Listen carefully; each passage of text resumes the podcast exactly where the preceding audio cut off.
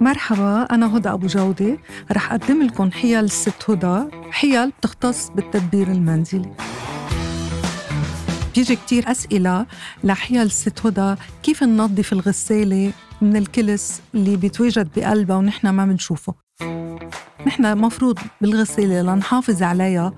نضل كل 15 ل 20 غسلة يعني بيطلع مرة بالشهر معنا. نقدر نحن نحافظ على الغسالة من إنه يتراكم الكلس بقلبها. بمطرح نحن ما بنشوفه داخل الغسالة. إنه نحط قنينة خل أبيض بجرور الغسيل مطرح ما بنحط الصابون. ومندور الغسالة على دورة التشطيف.